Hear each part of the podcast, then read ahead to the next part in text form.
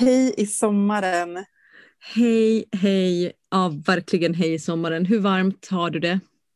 Eh, alltså jag har säkert 25 grader Wow. där jag är nu. Alltså det är lite lyxigare. Jag har typ kanske bara 16 men jag, liksom ligger, jag är lite på norrsidan av huset. Ja. Så. Men alltså solen är ju gassande varm. Jag har, alltså jag ska inte säga att jag badat, det är kanske lite att ta i, men jag har gått eh, i havet med vattnet upp till knäna. Jag tycker näst, alltså, I min värld som inte är en vinterbadare tycker jag att du har badat. Ja, alltså det var, det, var liksom verkligen bara så här, första chansen så bara kastade jag av mig skorna och ut. Det är ju, det är ju kallt liksom. Ja. Men det är verkligen en sån, det är som en sån ritual verkligen, att få bada i havet. Ah, snart får vi alla bada i havet. Jag gjorde det på västkusten men det var mer som att jag rullade i havet. Rullade, Ja, vad betyder alltså, det? Nej men det var ett långgrunt, eh, två svinkallt. Ah. Eh, så jag bara rullade mig runt. och liksom låg som en liten korv så här, och så här, rullade i sand. Så här, daddel med jordnötssmör eh, topping blev jag nästan. alltså, det var inte så vackert men jag badade i alla fall. Ja. Det, det känns ju som att det är, eh, alltså det här liksom, ehm, att, att vi har gått från Beltane, eller liksom, vi är ju fortfarande i Beltane-tiden, den här liksom försommarblomningen är ju verkligen här. Men också jag känner så himla starkt nästa högtid som börjar sippra in, som ju är Mm. vattnets tid Ja, eh, också. så liksom lite så här soft edges. Mm. Mm.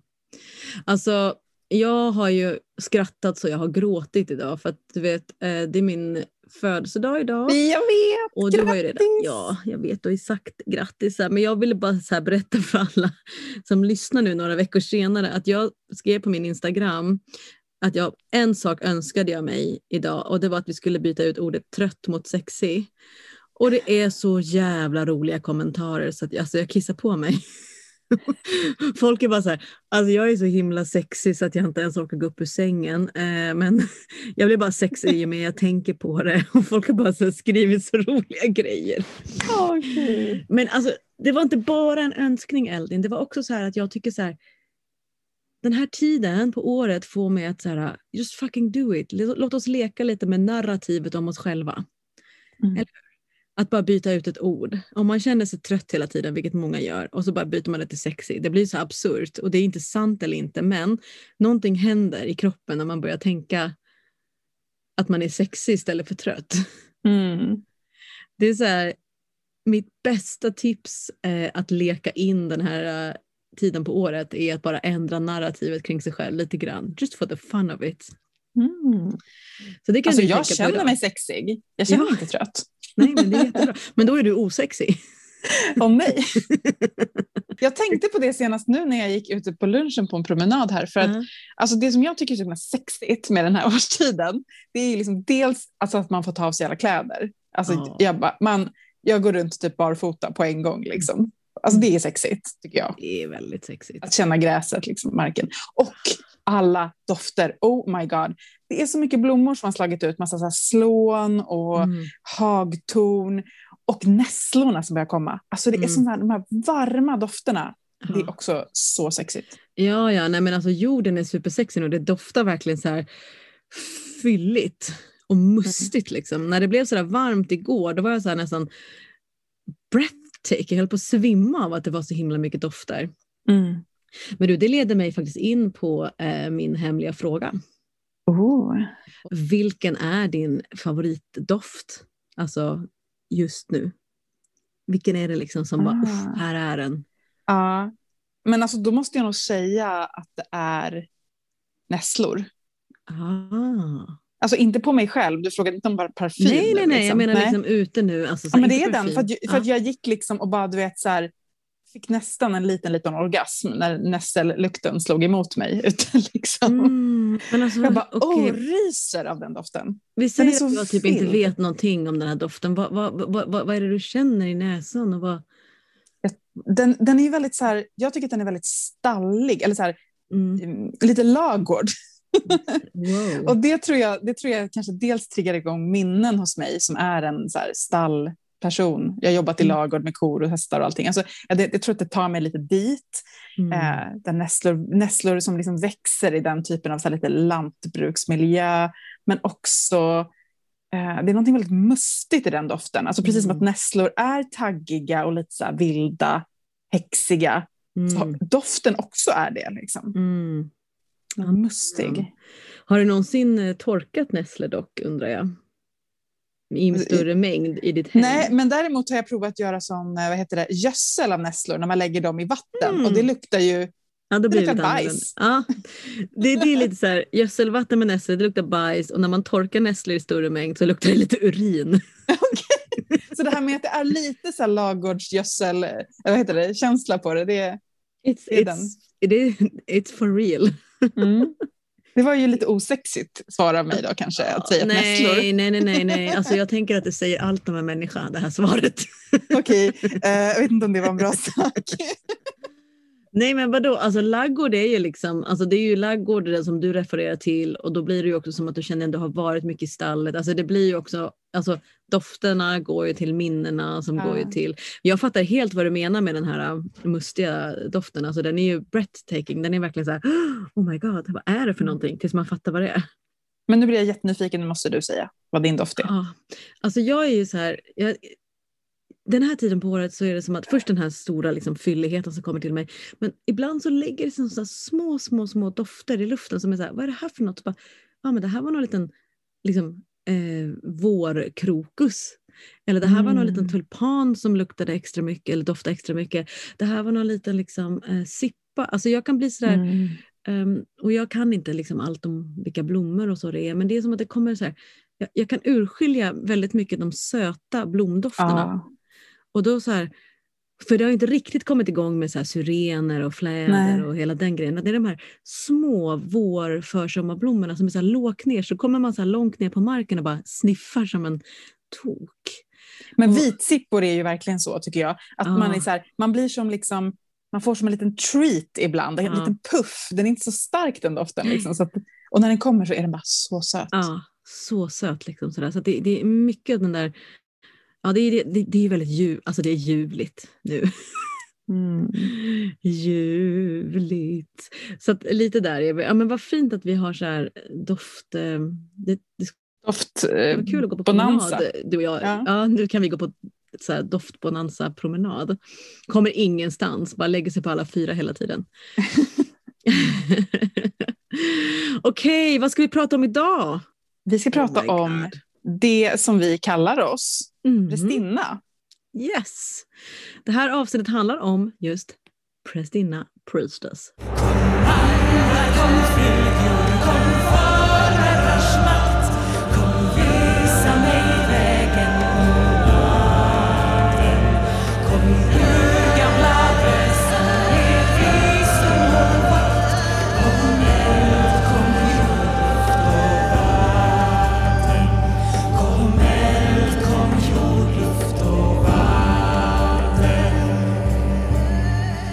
Hur kom ordet prästinna till dig Mm. första gången? Vi har ju varit inne och nosat på det i några avsnitt men nu är det så här, just that, take your time. Ja, nej men alltså, eh, jag tror att ordet kom till mig första gången i form av den här boken Avalons dimmor, The Mists of Avalon, Mm. eh, av Marion Zimmer Bradley som kom på 80-talet. Ehm, jag tror att jag läste inte boken först, jag såg filmen, jag tror att det är många som har sett den, som eh, ja, men utspelar sig i någon sån här mytisk tid, slash liksom, övergången mellan liksom, eh, hedendom och kristendom i England, liksom, med kung Arthur-historien och sådär. Eh, och där förekommer det ju liksom, prästinnor. Det är ju liksom en fiktion, det är ju en litterär skapelse från 80-talet, liksom, så det är inte som en historisk eh, liksom, bok. Och jag, såg filmen, jag såg filmen hundra miljoner gånger. Jag, liksom, varenda liten detalj i filmen har jag sett och typ försökt så här, sy såna kläder och allting gjorde jag. Liksom. Och, eh, sen läste jag boken och sen så, men så, så precis som med så mycket annat som jag har pratat om förut så liksom förblev det en litterär eh, värld. Att det var så här, åh jag älskar den här litterära världen, jag vill bara vara i den. Men det fanns inte, det existerade inte för mig att det kunde finnas i verkligheten. Liksom. Det här var ju inte ens historiskt, det var liksom litterärt fiktion. Um, och sen så, sen så började jag liksom långt, långt, långt senare när jag liksom hade blivit, jag hade, liksom, jag hade ändå en magisk praktik liksom och, så där, och, och var inne i liksom häxvärlden lite grann och studerat religionsvetenskap och då kom jag i kontakt med att det finns liksom prästinnor i nutid i Europa och andra delar av världen också, men liksom i, i geografisk närhet till mig. Och då, alltså då var det något som bara liksom så, klickade så djupt i mig. Alltså jag, först, jag måste säga också att jag förstod inte vad det här ordet betydde. Alltså jag, jag var väldigt så här, oklar över vad det var att vara prästinna, men det var någonting i mig som bara så här, det här ska jag göra. Mm. Och sen dröjde det flera, flera år innan jag kom i kontakt med någon som kunde hjälpa mig att göra det verkligt. Men, mm. Men det var liksom som ett så jävla starkt kall mm. eh, djupt i mig. Wow. Hur, hur var det för dig? Men lite liknande på ett sätt, eh, eller på två sätt. Bland annat eh, boken då, eh, Avalons dimmer. Eh, jag är fortfarande liksom helt golvad. Eh, förlåt här nu om ni inte har läst den, men eh, det var så jävla länge sedan så jag får avslöja lite saker. Men slutet av boken var för mig liksom, den alltså, ändrade mitt liv. Eh, att jag bara, just den här övergången från eh, hedna tro till kristendom, liksom, att det skulle kunna mm. vara så att någonting gammalt levde vidare. Alltså jag var helt blown away och bara, it made perfect sense också som en så ung feminist att, att det är klart att det har funnits någonting annat. Um, så att den boken var ju otroligt, otroligt liksom stark i mig och då började jag läsa mer men då var det ofta så att liksom prästinnorna eller liksom Morgana um, att de var väldigt onda. Alltså så här, att de var väl liksom the evil ones väldigt ofta. Liksom. Mm. Alltså, så här, hmm, det kändes så, jag blev ännu mer övertygad om att så här, någon försökte baktala prästinna. Mm. Men jag förstod ju inte riktigt vad det var för någonting riktigt. Jag tänkte också att det bara var en mm, sagofigur eller mytisk liksom, legend. Men sen så i och med att man är intresserad av historia och religion och myter och så liksom hitta ja, men de här bevisen för prästinnor som har jobbat i olika tempel i gamla Grekland och Rom. Um, och sen ja, mer och mer sådana liksom bevis. Och någonstans, jag vet inte riktigt, det var också lite liknande att det bara la sig, på, la sig lite grann på hyllan och bara ja, det här är en svunnen tid men det verkar jävligt coolt. Liksom. Um, och så kom jag över någon bok som jag inte minns vad den heter. Där det var liksom också, det var också eh, fiction men där var prästinnor som jobbade jobbade liksom, de var som så här kärleksprästinnor som initierade så kvinnor och män till, till eh, liksom, ja men typ att, så här, att, att, att kunna älska, att, att kunna eh, ha ett förhållande och så här, svarade på frågor och liksom så här, guidade, guidade dem. Jag bara så här, fan det här är helt, makes perfect sense liksom att någon skulle så initiera en och berätta lite hur man ska ha ett bra förhållande. Mm. Eh, men fortfarande fattar ingenting. Och sen x antal olika shaman-workshops och liksom trumresor och saker hit och dit så såg jag bara så här en utbildning där ordet prästinna var med. Och jag bara, vad fan, jag kör liksom. Och kände det där kallet i magen. Jag bara, det är ju prästinna som jag, det är det jag håller på att leta efter. Det låter som att det är det. Mm. och så pratade jag med hon som höll kursen och så tänkte jag, ja men jag kör. Och det var ju verkligen liksom, I was ready for it. Att när jag kom till den här, min första prästinneutbildning så var det som att där så knöts alla, alla, alla trådarna ihop och jag kunde väva en stor jävla säck liksom och bara fylla den med allt som jag har jobbat med under hela mitt liv och bara here it is. Det var så fritt men samtidigt så strukturerat. Ja. Så någonstans där, eh, boken på ett sätt, för den kanske talar till unga personer i vår generation, men sen också det där bara dunkkallet, det är det, det är det. Mm. Och det är så himla coolt tycker jag, för många gånger när jag har liksom tagit sådana steg i mitt typ så här andliga eller magiska liv så har det verkligen varit som att jag liksom har gjort en handling utan egentligen förstå ordet. Jag vet att jag sagt i något annat avsnitt att jag så här, fick en gång så här, bara, jag måste ha ett altare. Och jag bara, mm. alltså, jag visste inget om altare förutom att det finns altare i kyrkan. Alltså, jag, det var liksom, jag vet inte vad jag ska ha på altare, jag vet inte vem det är till. Och på samma sätt var det liksom med prästinna, att så här, det är någonting i det ordet som bara så här, känns mm. så rätt mm. utan att jag liksom visste vad det var. Och det var också så intressant för att när jag gick min första prästinneutbildning så frågade jag också min lärare då, så jag bara, kan inte du typ förklara vad, vad, vad är en prästinna? Om, om någon frågar mig om den här utbildningen, vad ska jag säga att en prästinneutbildning är? Och hon bara, det är det som en prästinna vet. Så det kommer du veta då. Mm. jag bara, alltså det var så himla så här, det är en så här omvänd väg in i här, levd kunskap. Vad är det att vara en prästinna? Liksom? Alltså det, mm. Att det inte är någonting så här, kanske en helt fast definition som man sen inordnar sig i, utan att vara prästinna är också att ha utforskat vad det mm. är att vara prästinna. Mm. Ja, verkligen. Att liksom, ja, återigen, där, det är ju att, liksom att gå in i sitt eget narrativ och bli liksom en del av det. Mm. att att liksom berätta den historien medan du lever. Mm. Och att hela tiden fortsätta väva den, liksom. Mm. att det kanske är inget statiskt heller. Liksom. Nej, verkligen inte statiskt. Liksom. Och, sen, och en sak som också var väldigt så stark i mig um, uh, det var också den här känslan av att så här, en präst är inte eller en prästinna är inte en präst. Mm. En präst och en prästinna är helt olika saker. Utan att jag visste vad en prästinna var, fast jag visste vad en präst var.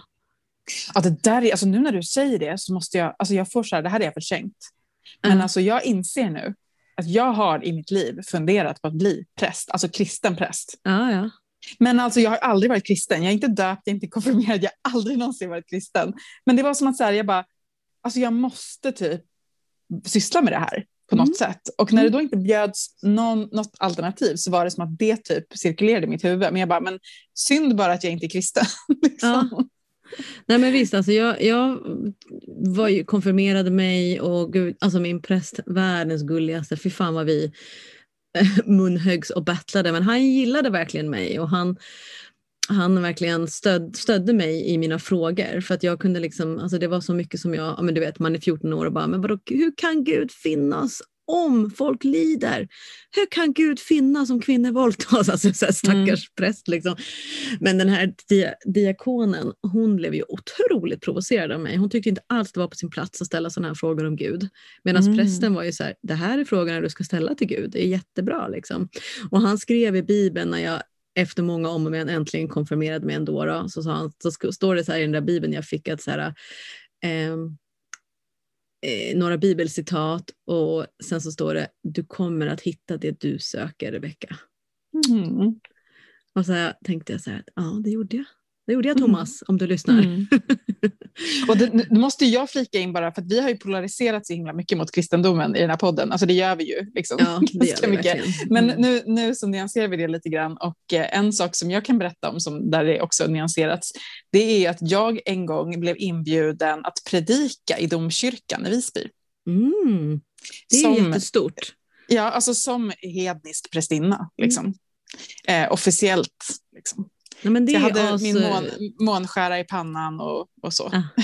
ja. men alltså, det där tänker jag är så fint, liksom, att bjuda in eh, gudinnan i, i kyrkobyggnaden, liksom, i, i den kristna enheten och prata mer mm. öppet. Liksom. Det, det tänker jag är så himla fint samtal.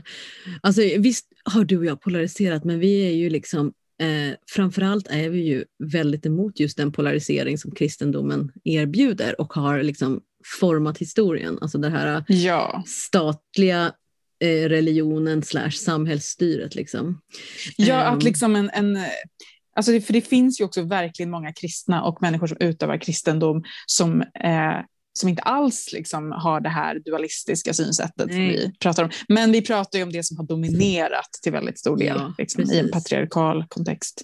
Ja, alltså det är ju, det är ju super, super liksom Mm, jag tycker det är nice att vi nyanserar det, liksom, för det är inte, det är inte vad heter det, så jävla intressant att bara vara hateful today, men vi kan vara jävligt hateful against the past för då kan man ju faktiskt ändra saker. Och det Mm. tänker jag också för kristendomen. Det är inte konstigt att vi har lite agg, alltså för kristendomen är ju en anledning till att prästinnor eh, kanske också försvann, det vet vi inte Mm. säkert, men att de i alla fall, liksom, helt plötsligt så får inte kvinnor föra den talan eller vara Mm. den personen. Mm. Utan det blir ett manligt yrke. Mm. Eh, och och, och eh, hur, hur det liksom maktövertagandet ske, sker eller hur det försvinner, det är, det är ju olika beroende på vart vi är i världen. Men, men att, att kvinnor försvinner eller prästinnor försvinner, that's a fact.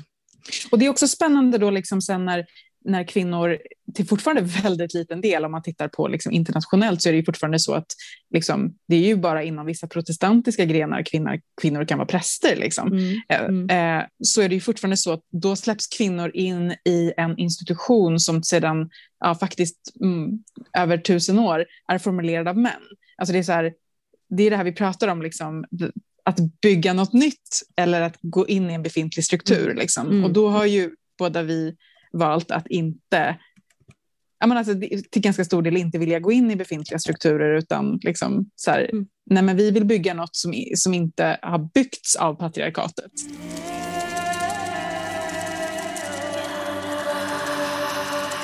Nu måste vi bli konkreta tycker jag. Vad är en prästinna? Ja. Som min eh, lärare frågade mig. ja. Eller som jag skulle kunna svara You på. have to go out. You have to go out and find the meaning of priestess. Eh, nej, men det är... Eh, eh, jag tänker också så här, jag kan ju bara tala utifrån de prästinnor som jag vet om och de som jobbar med det. Men det är ju en person som är kunnig i årshjulet.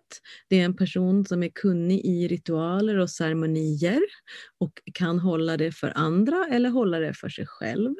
Ehm, det är en person som kan eh, skapa en trygg och queer plats för själsutveckling, för andlig utveckling, för magi att växa.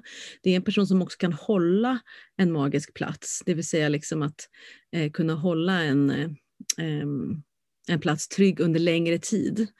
Eh, och det betyder att eh, man kanske måste se till att man har någon som är också eldvaktare eller någon som också håller koll så att det inte kommer några oinbjudna gäster eller liksom kollar att Eh, kollar att alla mår bra. Alltså så här, man kanske inte gör allting själv, men det är en del av arbetsbeskrivningen att se till att, liksom, att tillhandahålla en trygg och queer plats för de som deltar i en ceremoni.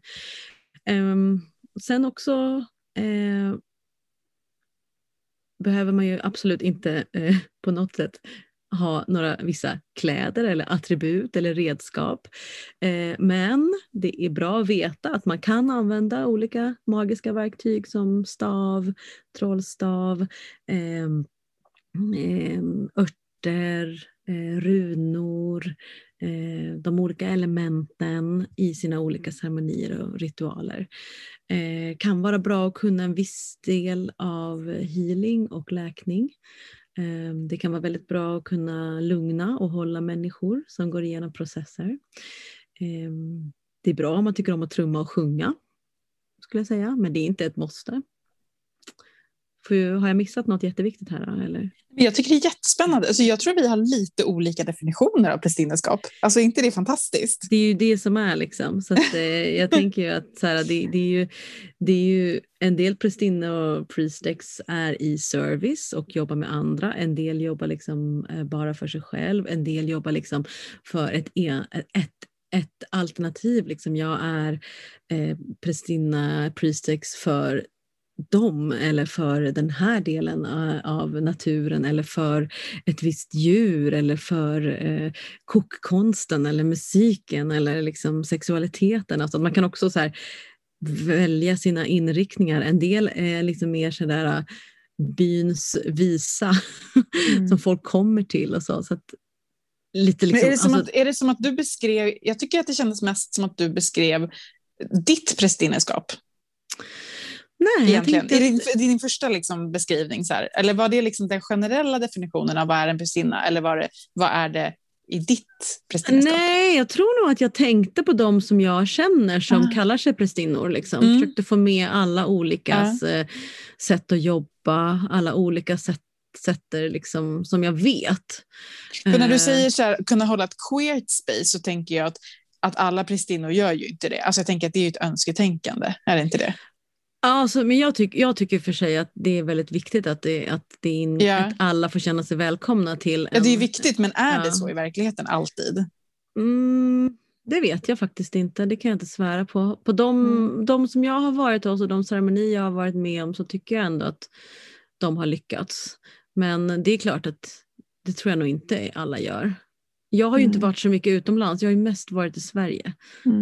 Så att jag vet ju inte riktigt hur det är typ i, i Glastonbury. Tycker du att det inte är så där eller? Nej, men jag tycker både att det finns exempel i Glastonbury i Sverige där jag har känt att det, alltså den, att det inte har varit... Alltså jag tänker att den personen har nog inte haft den definitionen som du har haft. Den har nog haft så en annan definition av vad det är att vara prästinna. Ja.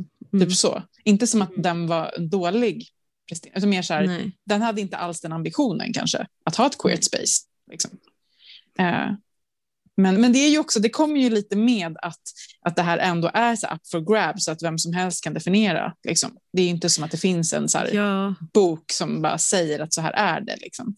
Nej, nej, men det finns ver- verkligen ingen bok. Men jag tror också så att du kan ju, alltså det, du kan ju också definiera eh, ditt prästinneskap och säga att jag, ska, jag vill bara jobba med ehm, eh, kvinnor och äldre kvinnor liksom, som har genomgått menopaus. Jag vill bara jobba med hagga. Mm. Eller jag vill bara jobba med eh, par. Eller jag vill bara jobba, men jag tror, jag tror också definitionen av queer för mig det är också så att folk får vara konstiga, annorlunda, eh, sig själva eh, och liksom kunna få leka fritt utan att någon annan i gruppen skulle eventuellt döma. Och Mm. Det tänker jag är väldigt viktigt, som, till skillnad kanske från präst och eh, prästinna. Mm. Liksom, att det, är väldigt, det finns inget lika tänk, utan det finns ett olika tänk.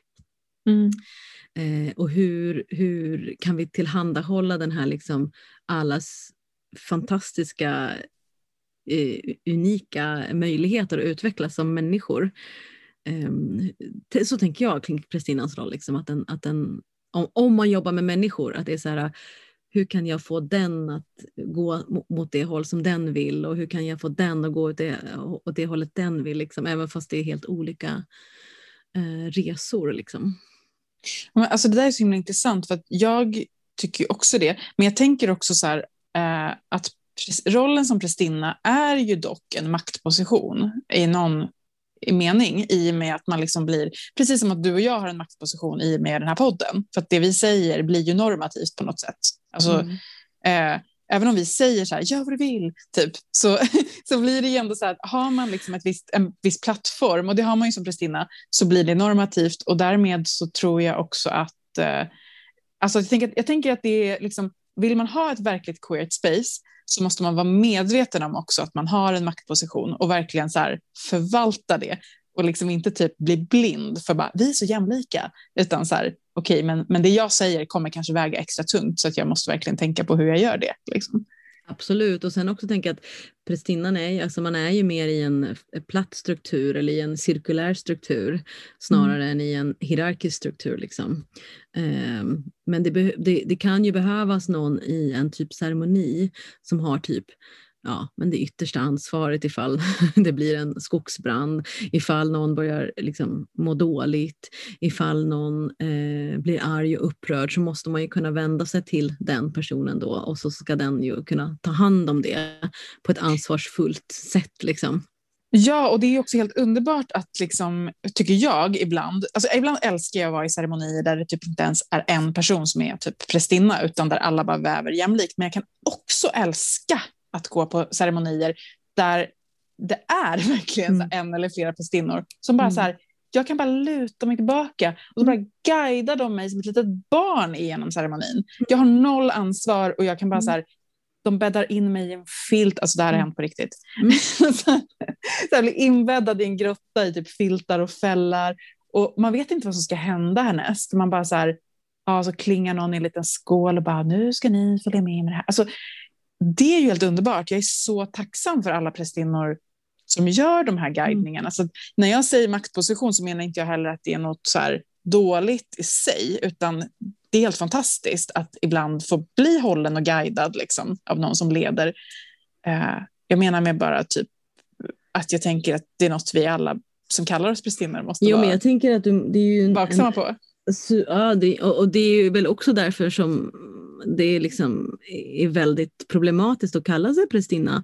Och vem får kalla sig det? Och när ska man inte göra det? Och vad kommer det med för ansvar? Och vad liksom... Ehm, för det här liksom makt, maktpositionen är ju någonting som man i alla strukturer Liksom, oavsett vad det är för någon, om det är prästinna eller präst eller chef eller liksom den här podcasten, att ständigt liksom vara vaksam om, om det. Och då behöver man faktiskt kunna Eh, speciellt om man jobbar med människor som liksom kommer med en fråga eller vill ha någonting. Då måste man ju på ett ärligt sätt och ansvarsfullt sätt avgöra om den ska komma till en eller om man säger, vet du vad, det här är liksom inte någonting som jag jobbar med, det är bättre att du går till den och den.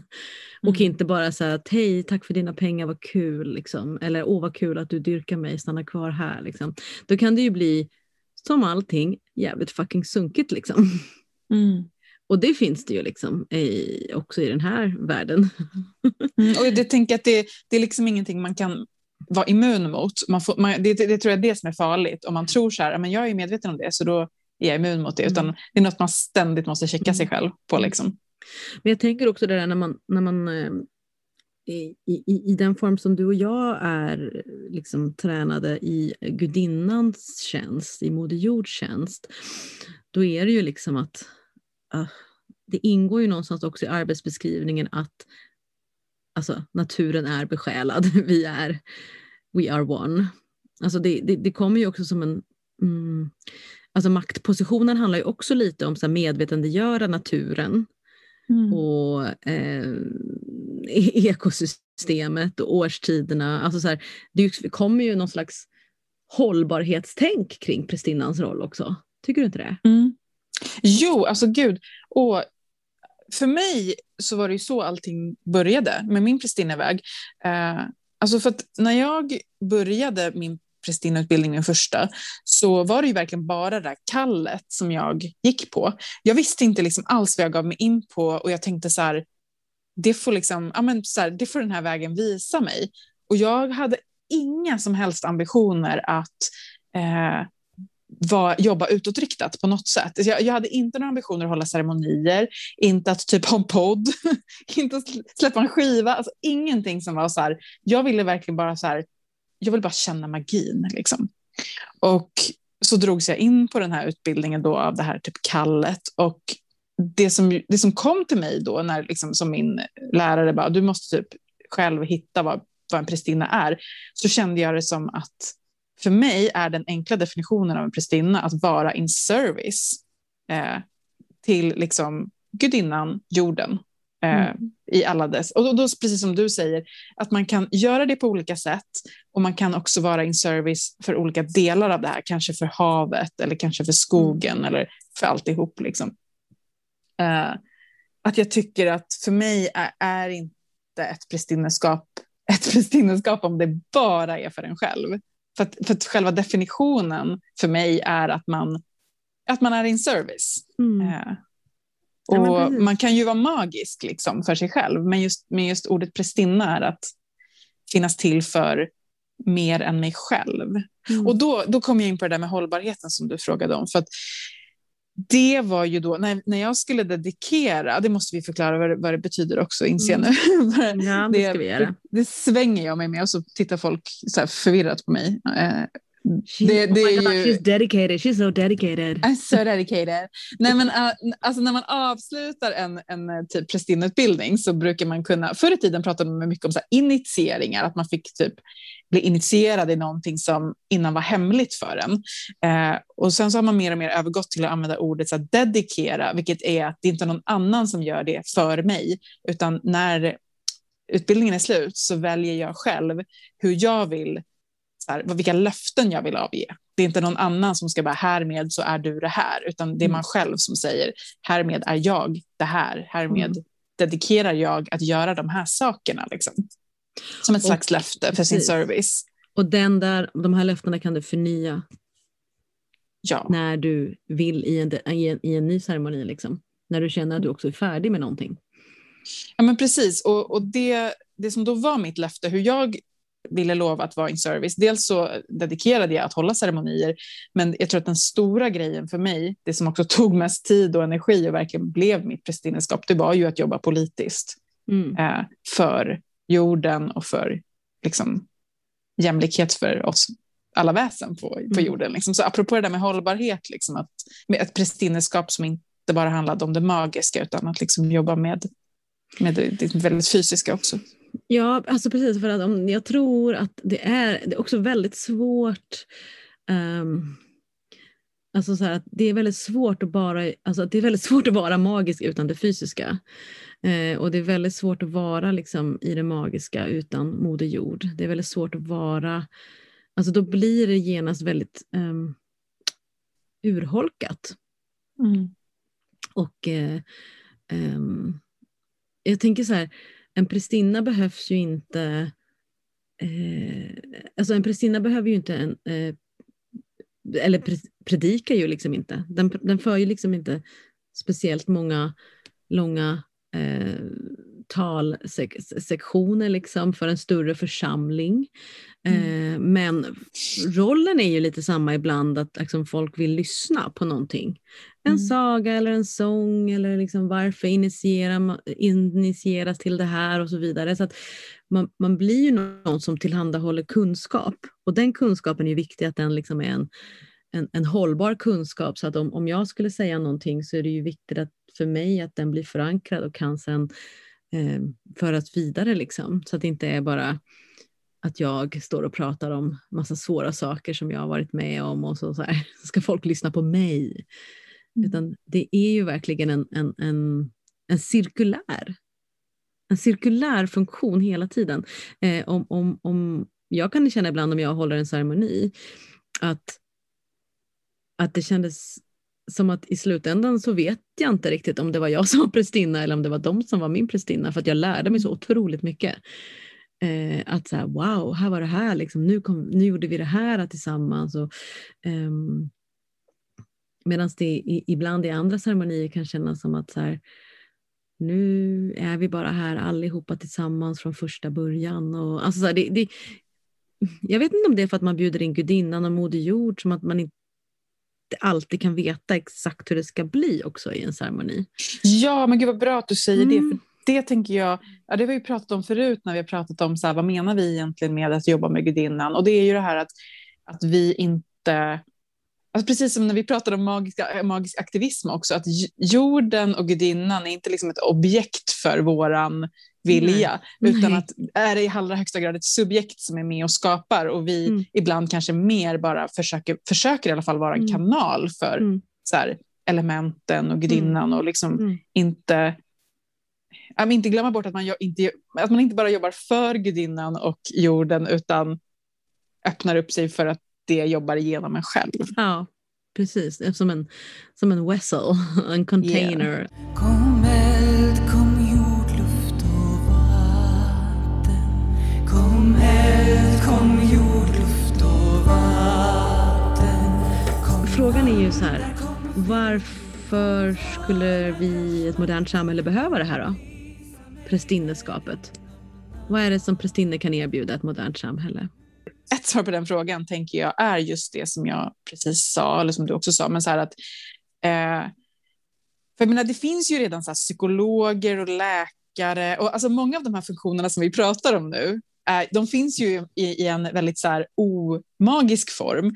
Men det som gör det magiskt och det som saknas är liksom den här eh, att man inte bara pratar utifrån sig själv utan att man också öppnar upp för att vara en eh, ja, en, en vessel, en, liksom en mm. eh, kanal för den här kraften, vad vi nu kallar den, liksom, gudinnan, Precis. jorden. Och att, och att när man är den där kanalen så eh, kan, är ju så att prästinnans roll är ju också att öppna upp en väg till um, det undermedvetna, eh, det omedvetna, till eh, skuggsidor, till blind spots, eh, till liksom delar som, om man nu jobbar med människor, eh, deltagare kan önska, önska vilja läka, men kanske känner att de har körts fast eh, hos psykologen eller kört fast hos läkaren eller liksom kört fast i relationer och vänner. Men här erbjuds liksom en helt annan verklighet. Mm. En magisk realm. Där, där liksom, det är ett annat språkbruk. Liksom. Det är en annan form. Alltså de som kommer till ceremoni är ju också människor som också gärna önskar någonting annat. Ja, och som art, mänskligheten, alltså vi är ju typ evolutionärt liksom byggda för att typ ha religion. Alltså det är bara att titta på hur vi historiskt sett från liksom grottmänniskor har vi liksom haft ritualer, vi har avbildat saker symboliskt. Vi, det, det är liksom så otroligt liten litet korn av vår mänsklighetens historia som vi liksom har ja, men i det sekulariser sekulariserade samhällen som till exempel Sverige typ skalat bort så mycket av mm. det magiska. Mm. Eh, så att, jag menar, varför behövs prästinnor? Jo, för att, för att vi behöver fortfarande ceremonier mm. och vi behöver eh, tillgång till de, den här symbolvärlden, myternas värld. Men vi kanske inte vill göra det i ett patriarkalt system som är liksom, något som vi varken står för eller som It's inte wired! Har It's fucking wired! Nej men vi kommer ju bara misslyckas i det strukturen. Ja. Alltså, vi kommer ju bara bränna ut oss eller det kommer bara, och sen så, nej men det funkar liksom inte. Vi måste ju vi måste gräva upp och göra om och ändra så att det liksom funkar. Men sen tänker jag också liksom att, att varför prästinnor behövs är ju också för att jag möter så mycket människor som bara åh, jag vill följa med på naturen och göra det som ni gör. Jag vill så här, på ceremoni, jag vill göra saker. Men sen vet man ju inte, och det visste inte jag heller innan jag gick en sån utbildning. Okej, okay, nu är jag i naturen, vad ska jag göra nu? Typ. liksom. och, eh, och särskilt om man då vill göra det i en grupp så kan det bli så otroligt stelt och det kan bli känsligt. Det, kan, alltså det, är så här, det är jättebra med en, precis som i alla andra sammanhang där man ska göra något nytt eller så, att det finns någon med erfarenhet som kan skapa ett tryggt space mm. och som kan så här, liksom skapa en tydlig struktur. Eh, så att, mm. liksom att fira de här årstidens högtider eh, när man är kanske lite ny och inte ha någon prästinna som leder, det kan bli svårt att komma, komma in i det, liksom för att mm. man kanske håller sig lite på ytan för mm. att det inte är någon som håller tryggheten. Liksom. Um. Nej, precis. Det, det, det är nog en väldigt eh, trygg, trygg känsla tror jag. Eller jag tycker det. Jag älskar ju att få gå på ceremoni när jag vet att det är en eller flera som håller i ceremoni, liksom prästinnor. Att det är så här, oh, oh nice. Så här, att, då kan jag också känna att jag kan slappna av. Och, in, alltså, och när jag kan slappna av, då är det som att då frigörs liksom oxytocin. Då är det lugnhet och trygghetshormoner. Då kommer lyckohormonerna för att jag verkligen kan slappna av. Eh, och det krävs ju för att man ska komma verkligen ner både i sig själv och i jorden mm. och alla de här magiska mötena. Liksom. Mm.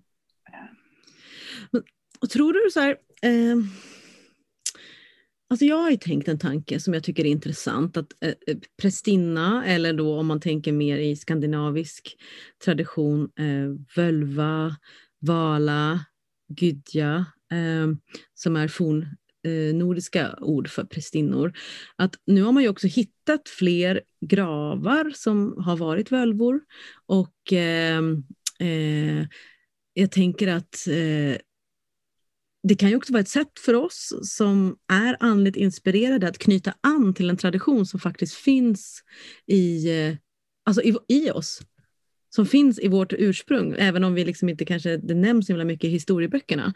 Istället mm. för att typ så här, gå eh, liksom ett medicinhjul hos liksom en ursprungsbefolkning på andra sidan jorden eller liksom ta sig an en eh, liksom indisk tradition eller annan österländsk tradition. Eller liksom, eh, alltså förstår du hur jag tänker? Alltså jag, mm. Nothing wrong with andra människors eh, och länders eh, traditioner, I fucking love it.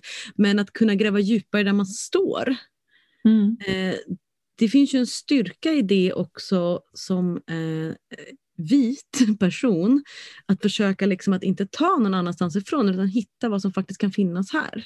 Mm. Ja, alltså dels handlar det om det, om kulturell appropriering, att det inte liksom är etiskt okej okay att bara ta en annan kultur, särskilt inte om man tillhör en koloniserande grupp själv. Mm. Men, men sen tänker jag också att vill man jobba med naturen så är det ju väldigt bra att jobba med den naturen där man bor. Alltså det är ju mm. liksom att jobba platsbaserat. Mm. Och då kan det ju vara så att man jobbar med helt andra djur från andra, helt andra delar av världen. Att de inte liksom alls synkar med det, den naturen i den delen man själv bor. Liksom. Ja, men precis. Ja. Och jag tror att, um, alltså jag tror att det är många som kan uh, känna det där kallet som du och jag pratar om. Alltså för att, alltså, prästinna, präst, schaman, häxa. Är det någon skillnad eller? Um, ja, det är det ju verkligen, tänker jag. Ja. Alltså... Priestex hade vi också, för det pratade ju Olof som var gäst ja. i vårt avsnitt om. Um... Ja, men prästinna är ju könat. Liksom. Mm. Eh, och sen så betyder inte det att det är liksom, alltså vem som definierar sig som prästinna, det är, alltså det, det är vad man själv, hur man själv ser på sitt kön kan ju bara den personen ja. säga. Liksom. Mm. Men, men till exempel som Olof som kallar, kallar hade smakat på ordet priest men kände att det låg för mycket kristendom för tungt i det kanske. Och priestdex mm. som könsneutral vari variant. Mm. Eh, men jag tänker att schaman är ju ett begrepp som eh, jag tycker är jätteproblematiskt. Att jag skulle aldrig vara bekväm med att kalla mig det för att det är begrepp från en specifik kultur. Alltså mm. det kommer från ett sibiriskt folk som heter tunguser. Mm. Och jag tillhör inte det folket, så det är helt orimligt att jag skulle vara schaman. Då. Ja, och det skulle också vara som att kalla sig liksom nojd, fast man inte är same. Ja. Alltså det är jättekonstigt. Sen finns det inom religionsvetenskapen att prata om shaman, alltså schamanska praktiker. Ja, det är ju liksom ett, ett begrepp som används för att generalisera en viss typ av religiöst, religiöst utövning. Så, så kan man ju, jag tänker att man, man kan ju fortfarande tala om att så här, ja, det här är ett exempel på en schamansk praktik, men att titulera sig ja. schaman. Nej, men det är helt olika. Alltså, det är verkligen, alltså, det är, alltså, mycket av prästinnornas verktyg är ju, en del är ju verkligen schamanskt arbete. Mm. Um, så, så även eh, liksom det, det tänker jag. jag tänker det, det där är så himla himla, för det är det det handlar om. Prästinna är ju en titel. Mm. Och schaman är en titel. Eh, häxa kan vara en titel, men det kan också vara en, eh, en e egen definition som inte betyder att man gör en specifik tjänst också. Det kan ja, vara jag det. tänker inte att häxa är en titel, Nej. för häxa är från första början typ mer ett skällsord. Alltså, ja. det är liksom, så jag Precis. tänker att det är ju mer en identitet kanske. Mm. Liksom, alltså, det är någonting man Uh, och det behöver man, ju, man behöver ju inte vara i service heller för att vara Nej. häxa. Liksom. Uh, det kan man ju verkligen vara för sig själv, en mm. kökshäxa som svänger ihop sina mm. Mm. Eller jättestora spells för den saken delen skull. Liksom.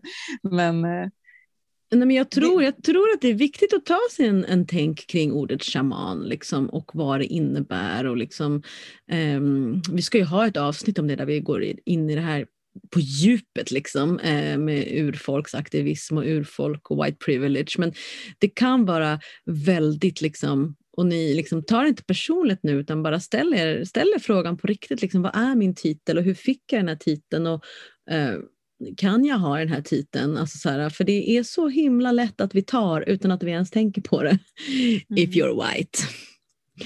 Eh, så det, det det är kanske någon som blir lite ledsen, men vi har ju gjort folk ledsna förut med den här podcasten. Och folk men det är också det som är, men det är också det, det som är skuggjagande.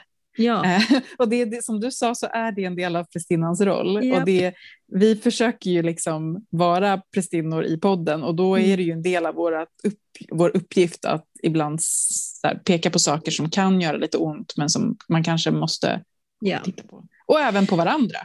Även på varandra. Även och det, kanske inte alltid leder... gör det. Nej, men alltså, vi, kanske lite, vi kanske är lite för lika. Men vi kanske måste prata snart om så här.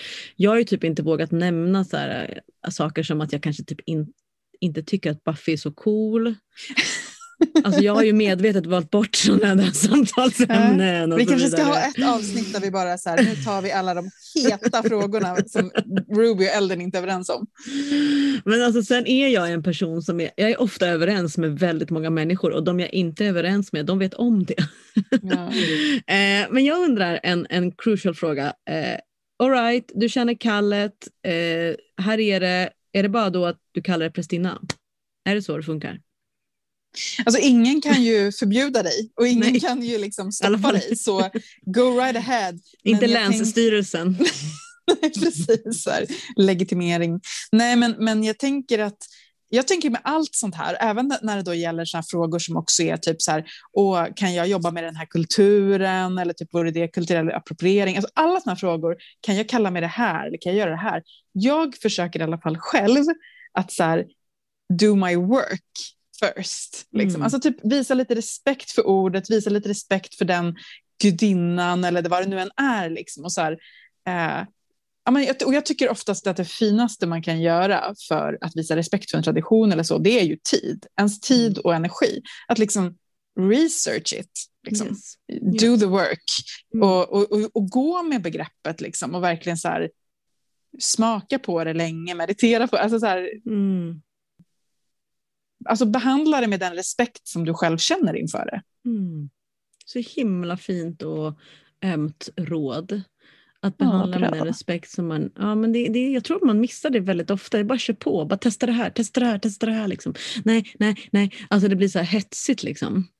Ehm, så att det tror jag är jätteviktigt att att, eh, jag, menar, om jag tänker så här, jag gjorde ju som jag sa innan, jag gjorde massa olika workshops. Det var det ena och det andra och liksom ingenting kändes riktigt rätt. Och sen när jag blev, när jag fick liksom den här att det fanns en prästinneutbildning, då kändes det som att helt rätt för mig. Och jag förstår ju att jag eh, skulle aldrig kanske ha kunnat jag, skulle, jag är en sån person, jag skulle inte kunna titulera mig det om jag inte hade en, en, en utbildning. Och det tänker jag att det, det är inte ängslighet jag. i ditt fall. Nej. Men, men ja, då tänker jag att det är viktigt att poängtera, för jag tänker att många kan också istället ha så stor respekt att man blir superängslig, jag skulle aldrig kunna göra det här. Men det tänker inte jag är du. Jag tänker Nej. att varför du vill gå en prästinneutbildning för att kalla dig prästinna, det är inte för att du inte har typ självförtroende. Men varför, så varför är det då? Liksom? Skulle Nej, du säga? Ja, men för mig var nej, absolut inte ängsligt, utan för mig var det så här, jag vill veta eh, vad jag gör. Jag vill kunna känna att jag, hade, att jag har en helhet. Så att jag förstår, liksom, eh, ja, i det här fallet med prästinnearbete så är det liksom att hur cirkeln fungerar. Liksom, vad är årstiderna? Eh, hur, hur, hur, kan jag, hur kan jag och min kropp användas eh, som ett verktyg för att komma närmare Moder Jord och gudinnan? Och vad händer när det liksom inte funkar? Vad gör jag med någon som eh, blir jättearg eller ledsen? Alltså hur ska jag lugna den personen? Eh, Hur skapar jag och håller en cirkel? Um, bland annat en sak som jag tror eh, var en stor liksom, lä- lära för mig var att jag kan inte bara gå ut och välja en plats. Bara, här ska jag vara. Och vara liksom så här, vara här, utan jag måste vara på den här platsen några gånger och kolla vilka djur bor här? Finns det några ungar? Är det någon eh, liksom, markägare som inte tycker att jag ska vara där? Eh, alltså så att verkligen så här, jag hade noll koll på liksom hur mycket man ändå behöver liksom ransaka platsen och bjuda in platsen i ceremonierna. Alltså for real. Så jag tror att mycket sådana där liksom, eh, praktiska grejer är väldigt bra i en utbildning faktiskt. Jag hade, min stora grej med, med att gå en utbildning var ju att eh, ha en daglig praktik och rutin. Det, Mm. det känner jag, liksom, jag hade gått kurser, så här, strökurser och sådana saker innan. Liksom. Men, men det som jag kände var ja, också helt nödvändigt för mig, det var liksom att gå ett helt år och fucking varenda dag kalla in gudinnan. Ja, Hur jag än... Ja, och, liksom, och, och de dagar som det bara uppstår... För jag tänker som du säger, hur, gör man när man, hur ska man möta folk som är arga och ledsna? Och så här? Jo, genom att ha mött sig själv, Ja, liksom, exakt. först och främst. Ja. Så att man inte bara typ, Mm. möter sig själv när det är liksom nice, utan Ja, men nu går du in på någonting som är en stor jävla del av prästinneutbildningen. Det är ju en otrolig eh, jävla spegling i skuggarbete och eh, ens liksom mörka sidor och blinda fläckar liksom i sitt eget beteende. Det är ju Mm. ingen lätt sak att gå en utbildning. Det är ganska tungt. Men det är så värt det. Men, men, men det är verkligen, alltså det tror jag man, man ska verkligen också ta som, ta som en del i prästinnan. Att så här, you got it done, you got to do it. Du gör liksom skuggarbete.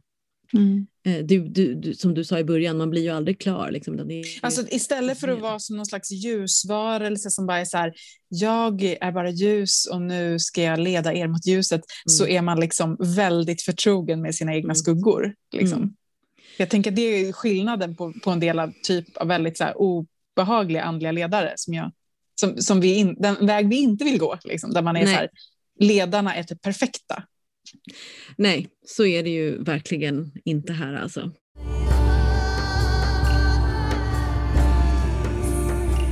Ja, Elin, jag undrar om du har, har du dedikerat flera gånger under ditt, eh, dina prästinneår?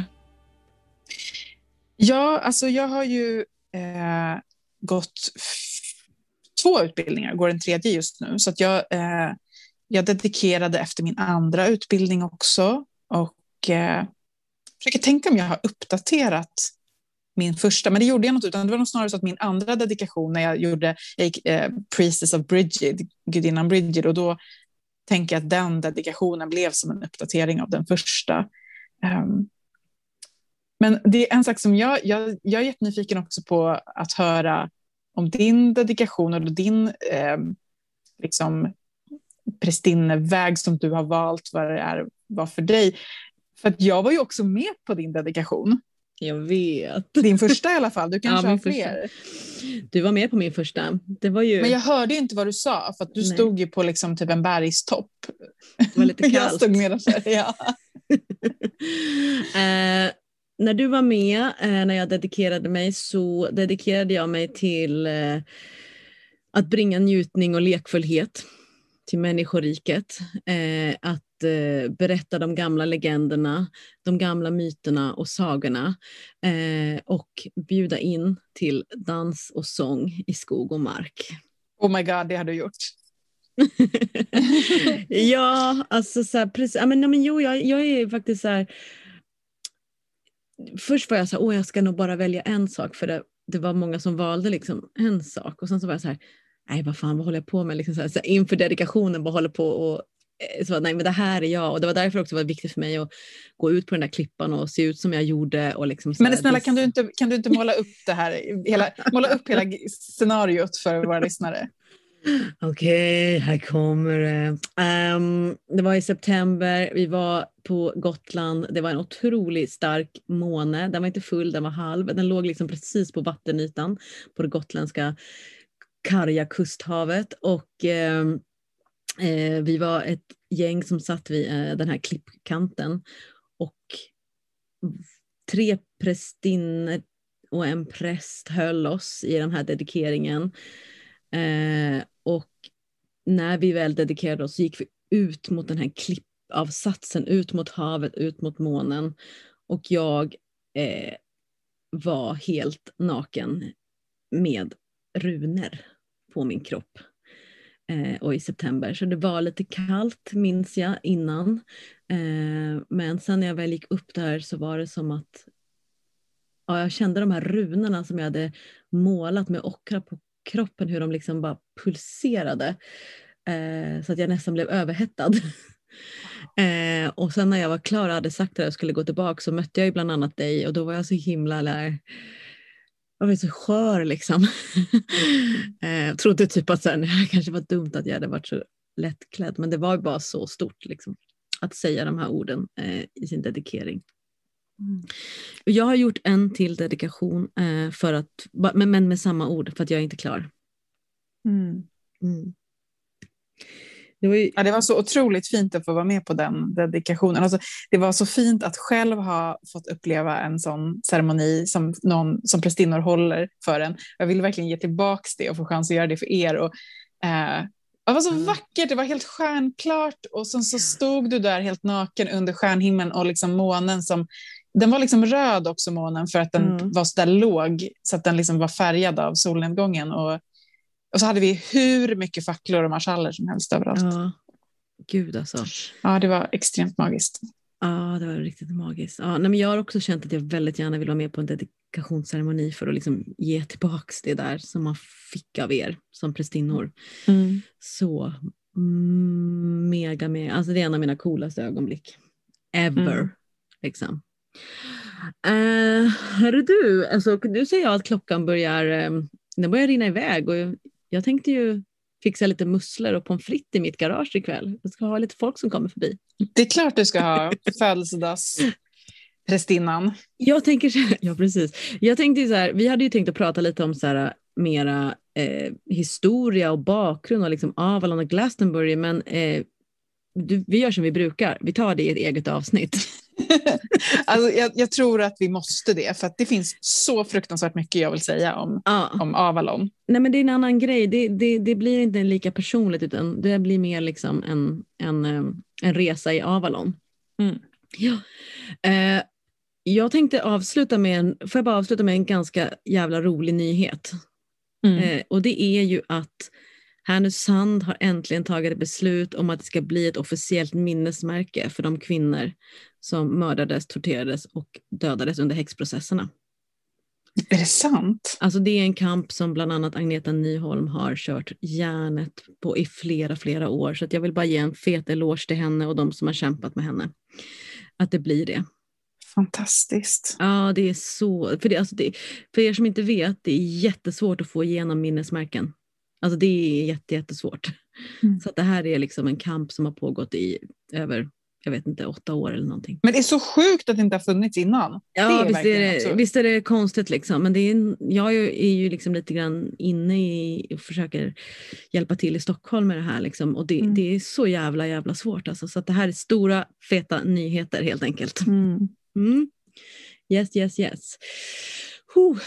Okay. Um, ehm, vi vill också säga som alltid vill vi ju säga tack till alla er som är inne på Förmödrars eftersnacksgrupp och ställer era frågor. Och på Facebook. ja, på Facebook ja, och ställer roliga frågor och hur ni svarar varandra, hur ni hittar varandra i de här datingtrådarna. Alltså, it's all what we dreamed of, eller hur? Ja, men verkligen. Så... Jag känner också att liksom det är så fint att kunna ta ett steg tillbaka. Och bara, för i början när vi hade vår eftersnacksgrupp så var det som att så här, det var mest du och jag som skrev. Ja, men mest, mest, det var ja. vår lilla grupp. Liksom. och nu är det så himla så här, åh, drömmen att, att ja. ni skriver med varandra. Liksom. Alltså ja. Just på tal om den här platta strukturen, att, mm. att vi lär varandra saker. Det är liksom mm. inte som att så här, det är bara jag och Ruby som ska Nej. lära folk. Verkligen inte. Men om man vill att eh, jag och Eldin ska lära er att veta hut, nej men då är det ju Patreon som gäller och då är det ju verkligen eh, att vi finns på Discord och man kan ställa mer specifika frågor och vi tar oss tid och svarar om det är sådär riktiga funderingar som ni har. Mm. Eh, och man får också en ceremoni varje månad om man är medlem på den nivån mm. eh, som man får göra guidat komsi komsi. Gå in i alla fall och spana in Patreon. Eh, det är en fantastiskt sätt att vara med och stödja den här podden och låta oss liksom gräva djupare i dessa otroliga visdomens källor. Mm. Och speaking mm. of Patreon, nu är det dags för Völvans spådom. Från dåtid till nutid till framtid. Vi älskar och tackar er Patreons från djupet av våra hjärtan. Tack, tack, tack. Puss, puss, puss. Ni är otroliga. Så en av de saker som vi gör för att hylla er, det är ju att varje vecka så drar vi en utav er som blir föremål för völvans spådom. Låt völvan tala. tala. Patreon som blev dragen för den här spådomen är Linnea. Linnea, this one's for you. Vi, det finns flera Linnea på Patreon, men det här är Linnea som bara heter Linnea. Mm. Okej, okay. Linnea som bara heter Linnea. Eh, men alla, alla Linneor får ta till sig om de vill. Men eh, Linnea, eh, när jag satte mig vid mitt altare och mediterade och kallade in krafterna så dök det upp eh, en varelse som heter Baba Yaga. Oh. Jag blev så glad. I love Baba Yaga. I love Baba Yaga. Alltså lite, så här, lite, lite allmänt om Baba Yaga för er som inte vet. Eh, det är ju en slavisk, inom slavisk folktro, så som urhäxan mm. i slavisk folktro. Det är här gammal tant, bor ute i skogen, ful, stor näsa och eh, ja, men lurar in barn som hon kokar i sin ugn. typ det är liksom den, den basics. Och också att hon, hennes hus, eh, det är helt fantastiskt, hennes hus är ju på kycklingben som kan gå runt. Mm, just det. Kycklingfötter. Mm. Och så flyger hon på, ibland på, kan hon flyga på en kvast, men framförallt så flyger hon i en mortel. Um, så hon är ju liksom känd som en sån typisk liksom ärkehäxa, så ond i liksom, sån patriarkal tradition. Men, Mhm. eh, men, men det är spännande för när man läser lite om henne så i liksom folksagorna så är hon inte alls bara ond. Alltså hon är inte ond. Okej, hon kokar barn i sin ugn ibland, men, men eh, framförallt så är hon eh, en väldigt ambivalent figur, alltså snarare en trickster, därför att hon, det finns också jättemånga sagor där hon räddar eh, protagonisterna i berättelsen. Liksom. Mm. Ehm, och kanske är så att den här ugnen är en symbol för eh, en initiering, alltså död, symbolisk död och återfödelse genom elden. Och att hon också är väldigt mycket en symbol för den vilda naturen och just att den vilda naturen är ambivalent. Den kan vara både liksom livgivande men också livtagande. Mm. Så att, att ge sig in till Baba Yaga är liksom att ge sig in i det vilda eh, och det som kan vara både och. Och när, när hon kom till mig, till dig Linnea, liksom, så, så såg jag henne med en blomkrans runt håret. Mm. Eh, som en riktig, så här, riktig crone grandmother of the forest. Eh, och det var också det som fick mig att researcha lite mer kring hennes, liksom, alltså att hon, hon, jag tänkte så här, okej, okay, jag har alltid bara hört om Baba Yagas typ onda sidor, så att, vad är det här för sida hon kommer med? Och mycket riktigt så, så är det absolut inte den enda sidan av henne, som så många häxor har hon blivit svartmålad. Mm. Eh, Så jag, det jag fick upp handla, var, det handlade väldigt mycket om friheten i att vara crone. Att liksom finnas till för sig själv och ge sig ut i skogen och ha sitt, liksom, sitt eget space Mm. som kanske folk lämnar en i fred i ibland, förhoppningsvis. Eh, Det poppade upp, också upp i mitt huvud det här klassiska citatet från Virginia Woolf, A room of one's own, att, att Baba Yagas hatt liksom är eh, det här fristaden i skogen för oss häxor. Liksom. Alltså så himla fint. Alltså det här, jag, jag, jag tänker också att man kan se Baba Yaga och Vasalisa som en initieringssaga. Ja. Alltså Vasalisa den unga som alla varnar eh, om att hon absolut inte får gå till skogen vad hon än gör. Men sen så liksom eh, det finns ingen ved hemma, det finns ingenting och hon känner sig ansvar att hon måste hålla elden igång liksom, i sitt hus och till slut så går hon till Vasalisa. Hon följer sin intuition, hon följer sitt förnuft och bara jag måste hämta ved. Och där så när hon möter The Crone, eller häxan, så blir hon initierad till liksom, nästa steg. Alltså Hon går får en från- massa uppgifter, Ja. eller hur? massa uppgifter. Som ska Eh, vara så egentligen omöjliga uppgifter, Ja. men hon ja, klarar dem. Liksom. Hon klarar Vilket dem, låter liksom. ju väldigt mycket som en så här, initieringsceremoni. Precis. Liksom. För att hon har ju en liten docka som talar liksom, som, hon hjälper, som hjälper henne också. Så hon har ju sin inre röst eller sin inre intuition eller vad man ska säga. Och eh, när Baba Yaga märker det så ja, hon är ju nöjd med det. Liksom. Klarar av de här uppgifterna i skogen, i det okända. Mm. Mm, Linnea, det där var väl någonting att njuta av nu här i Suga på lite grann. Ja, Ja. men eh, liksom ut, eh, ut och känna på Baba Yaga och det vilda och the crone med Mhm. blomkrans i håret. Och vill du också ha en chans att få bli dragen som en av Völvans spådom så är det ju bara att bli en Patreon från eh, vad heter det, lovernivå uppåt så kan man bli dragen och så är det antingen jag eller Eldin som tonar in på er. Tusen tack för ditt stöd Linnea, det betyder jättemycket. Tack! Men nu tänker jag eh, kliva ut här i nässlor och eh, krokusar, lägga mig ner och känna doften av marken och bli firad av mina vänner. Det gör du så rätt i. Alltså jag älskar ju att fylla år, jag tycker det är kul. Och jag fyller ju 42. Och har du läst Liftarens guide till galaxen? Ja, men oh my god, det är ju svaret på universums gåta. Alltså, Jag känner att det är okej att du eh, steppar upp dina förväntningar på mig nu, för att jag är redo. Oh, jag som tyckte att det var mäktigt att jag fyllde 40 för eh, ett par månader sedan, men alltså Äh. 42, det är ju det, är det största. Ja, 40, det, nej, nej. 42, answer to everything. Så jag tänker att ehm, jag återkommer kanske. Jag, är ja, jag föds ju alldeles om ett litet tag, så jag måste väl kanske liksom gå in i 42 liksom ett tag. Men jag kanske hör av mig i natt då och berätta lite hur det känns. Är det Ja. okej? Ja, gör- det. Du, kom, right. kom, du kan komma och knacka på i mina drömmar.